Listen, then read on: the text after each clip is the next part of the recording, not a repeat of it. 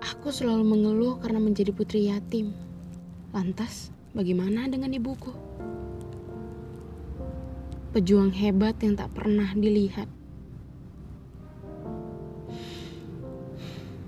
Malam hari ia merasa sakit, sesak nafas melihat putri-putrinya tertidur dengan gelisah. Perasaan gagal menjadi orang tua selalu menghantuinya. Aku tak tahu bagaimana ia mengatur mood sedemikian rupa untuk selalu terlihat baik. Mengelang nafas petanda lelah juga sudah biasa.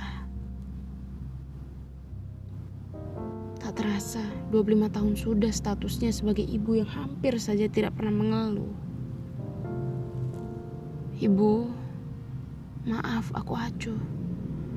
Aku putrimu yang tak tahu diri banyak menuntut tanpa kasih. Sekarang apa lagi? Biarkan saja aku sakit sekali lagi. Biarkan aku tertatih berulang kali. Biarkan aku jatuh dan bangkit lagi. Dengan begitu dunia akan menilai bahwa aku pantas menjadi putrimu.